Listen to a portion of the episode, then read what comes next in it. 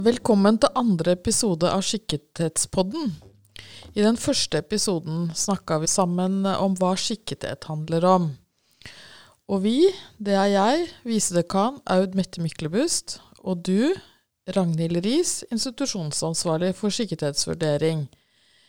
Skikkethetspodden lages av Fakultet for helse- og sosialvitenskap ved Universitetet i Sørøst-Norge, men henvender seg egentlig til alle som vil vite mer om skikkethet og skikkethetsvurdering.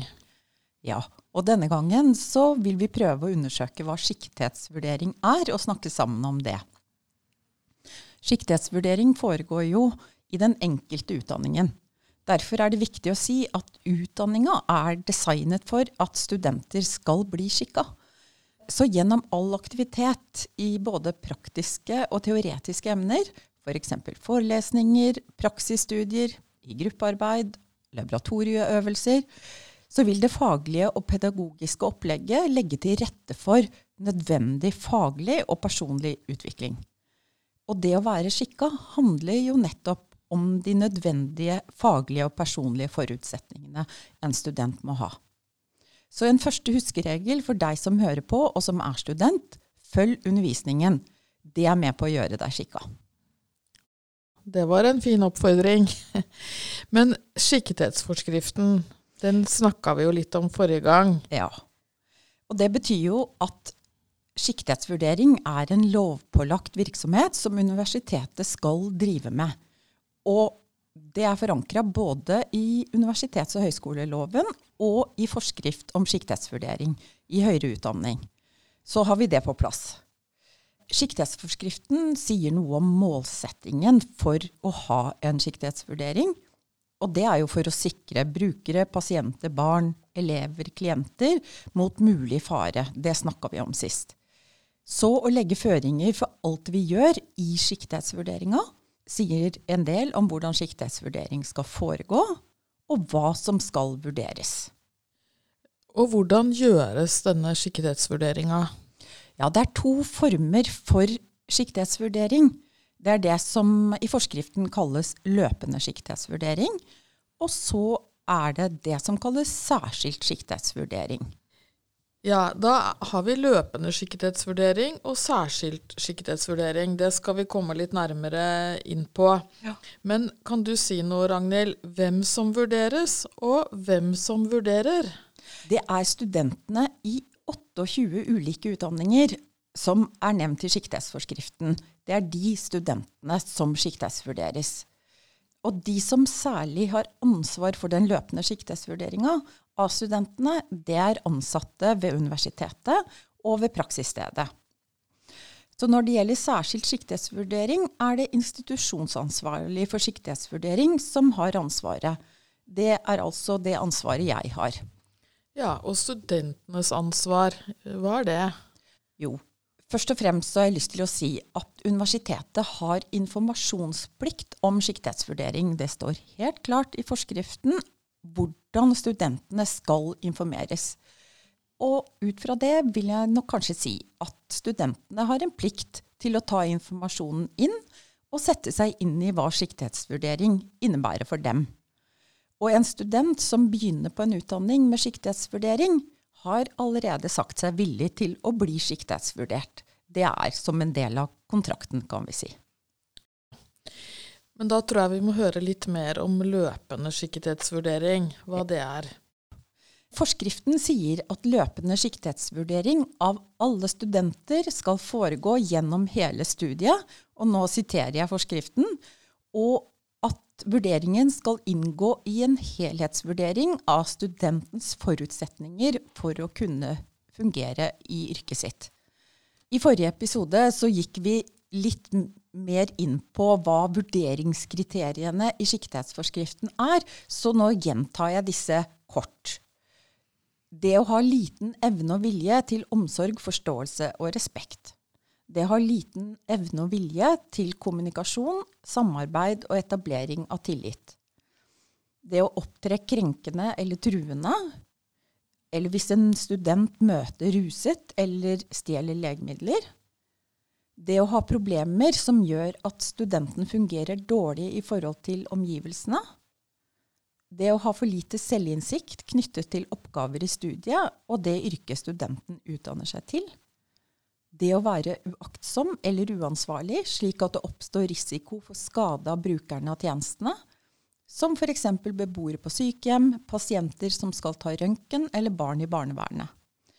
Og det siste vurderingskriteriet er å ikke vise evne eller vilje til å endre uakseptabel atferd i tråd med veiledningen som blir gitt.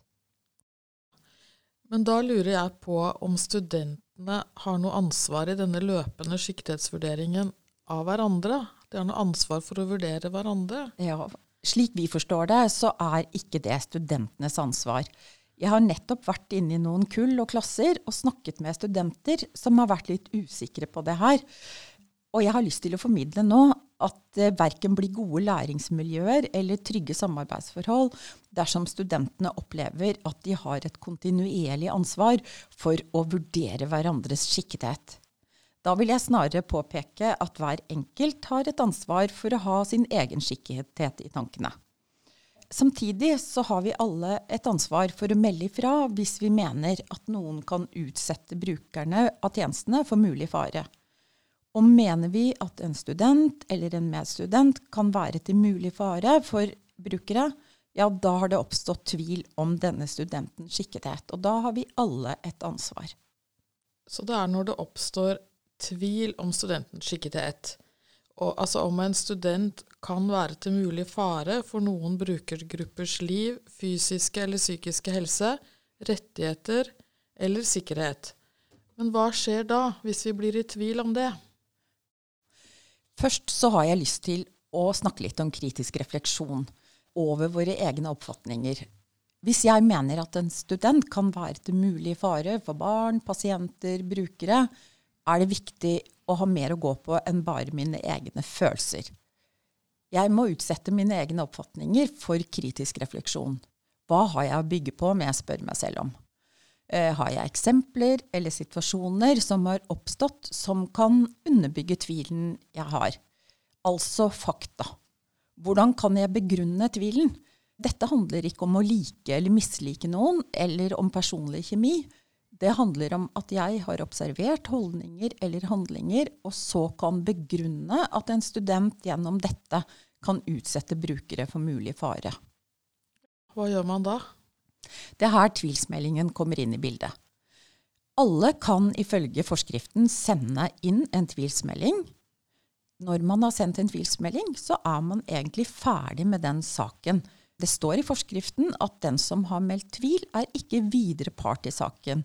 Det betyr at man ikke har noe ansvar for å følge opp saken videre. Men man har heller ikke rett til innsyn i hva som skjer i saken. Tvilsmeldingene for helse- og sosialfaglige studenter ved USN de skal sendes til meg.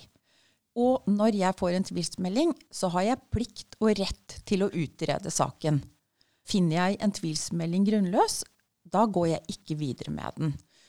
Og det er viktig at en tvilsmelding inneholder gode begrunnelser og gjerne henvisninger til vurderingskriteriene i siktighetsforskriften. Og også at det kommer tydelig frem på hvilken måte den som melder tvilen, mener at studenten kan være til mulig fare for andre.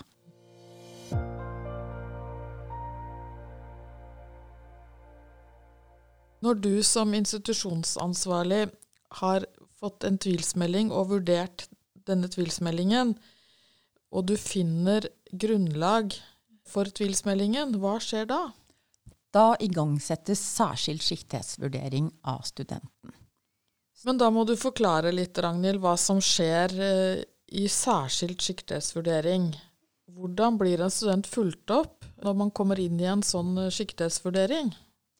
Gangen i en siktighetssak er ganske formalisert og gjøres etter de reglene som beskrives i siktighetsforskriften. Etter at jeg har utreda forholdene rundt tvilsmeldingen, så innkaller studenten til da det som kalles en vurderingssamtale. Studenten har rett til å vite bakgrunnen for innkallingen og forberede seg. Derfor sender jeg tvilsmeldingen og eventuelt andre dokumenter i saken sammen med innkallingen til studenten på forhånd. Studentene har rett til å opplyse saken og har rett til å bli hørt. Studenten har også rett til å ha med seg en bisitter, eller ofte det vi kaller en talsmann, i alle møter. I den forbindelse er det viktig å si at det er studenten vi vil snakke med, og som skal få anledning til å opplyse sin egen sak. Som hovedregel skal alle studenter som er under særskilt siktighetsvurdering, tilbys utvidet oppfølging og veiledning. Den veiledningen skal være til hjelp i det nødvendige endringsarbeidet som studenten ofte skal i gang med. Oppfølgingen kan gis som veiledning med en erfaren veileder fra fagmiljøet, og det kan kombineres med ekstra oppfølging gjennom praksisstudiene f.eks. I noen tilfeller vil det være nødvendig å fatte vedtak om å utsette en praksisperiode, først og fremst av hensyn til brukerne, og for å gi studenten mulighet til å arbeide med sine utfordringer. Særskilt siktighetsvurdering kan vare fra et par måneder til et par år. Og når det gjelder avslutning av særskilt siktighetsvurdering, så er det som regel to alternativer. Gjennom veiledning og oppfølging så foreligger det ikke lenger tvil om studentens siktighet. Eller etter veiledning og oppfølging så er det fortsatt tvil om studentens siktighet skikkethet, og om han eller hun kan være til mulig fare for pasienter eller brukere osv. Det du sier, Ragnhild, er at dette kan pågå enten altså fra et par måneder til opptil et par år. Mm. Det er jo veldig lang tid. Men eh, hvis man da har gått igjennom denne veiledningen, da, og man fortsatt eh, vurderes til å være til mulig fare, hva gjør universitetet da? Da er det igjen en veldig formalisert saksgang. Eh, det er ikke jeg som beslutter om studenten er uskikka. Jeg gjør en vurdering og fremmer saken for Siktighetsnemnda. Og i den vurderingen jeg gjør, så trekker jeg jo inn innspill fra veiledere, fra praksisveiledere, fra andre som studenten omgir seg med, og også studentens egne innspill. Så saken er ofte svært godt utreda fra før den da fremmes for Siktighetsnemnda. Siktighetsnemnda vurderer saken med utgangspunkt i studentens eget innspill og i den vurderingen jeg har skrevet. Her har studenten rett til advokat betalt av universitetet. Nemnda skriver en innstilling som går til en annen nemnd, nemlig Nemnd for studentsaker. Og det er først Nemnd for studentsaker som fatter vedtak om studenten er uskikka eller ikke, og om studenten skal utestenges eller ikke. Studenten kan klage til Felles klagenemnd, som er en nasjonal nemnd for slike saker. Og studenten kan også bringe saken inn for rettsapparatet. Du nevner utestengning, men hva innebærer det, da? Ifølge forskriften så kan en student som finnes uskikka, utestenges i inntil fem år.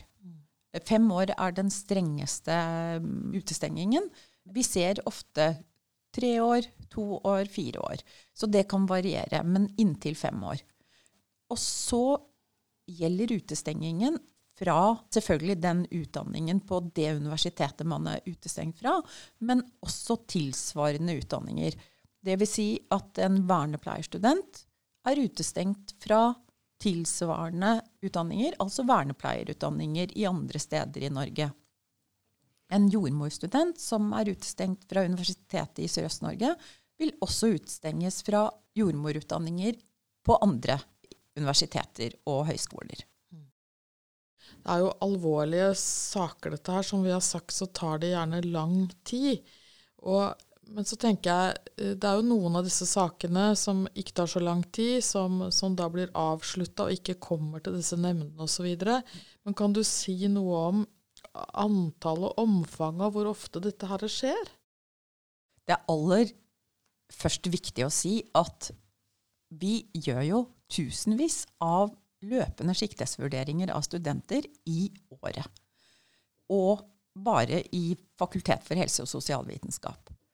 Og av alle de løpende siktighetsvurderingene vi gjør, så mottar jeg rundt 20 tvilsmeldinger i året. Så tusenvis til 20. Og så er det kanskje da ca. 15 studenter som blir særskilt siktighetsvurdert. Som hovedregel så får alle disse studentene tilbud om hjelp, om utvidet oppfølging og veiledning, sånn som vi har sagt tidligere. Vi ser at den oppfølgingen veldig ofte er til hjelp, og de fleste studentene blir funnet skikka i løpet av den prosessen. Samtidig er det noen studenter som velger å slutte underveis, eller som mister studieretten av andre grunner, eller som tar permisjon.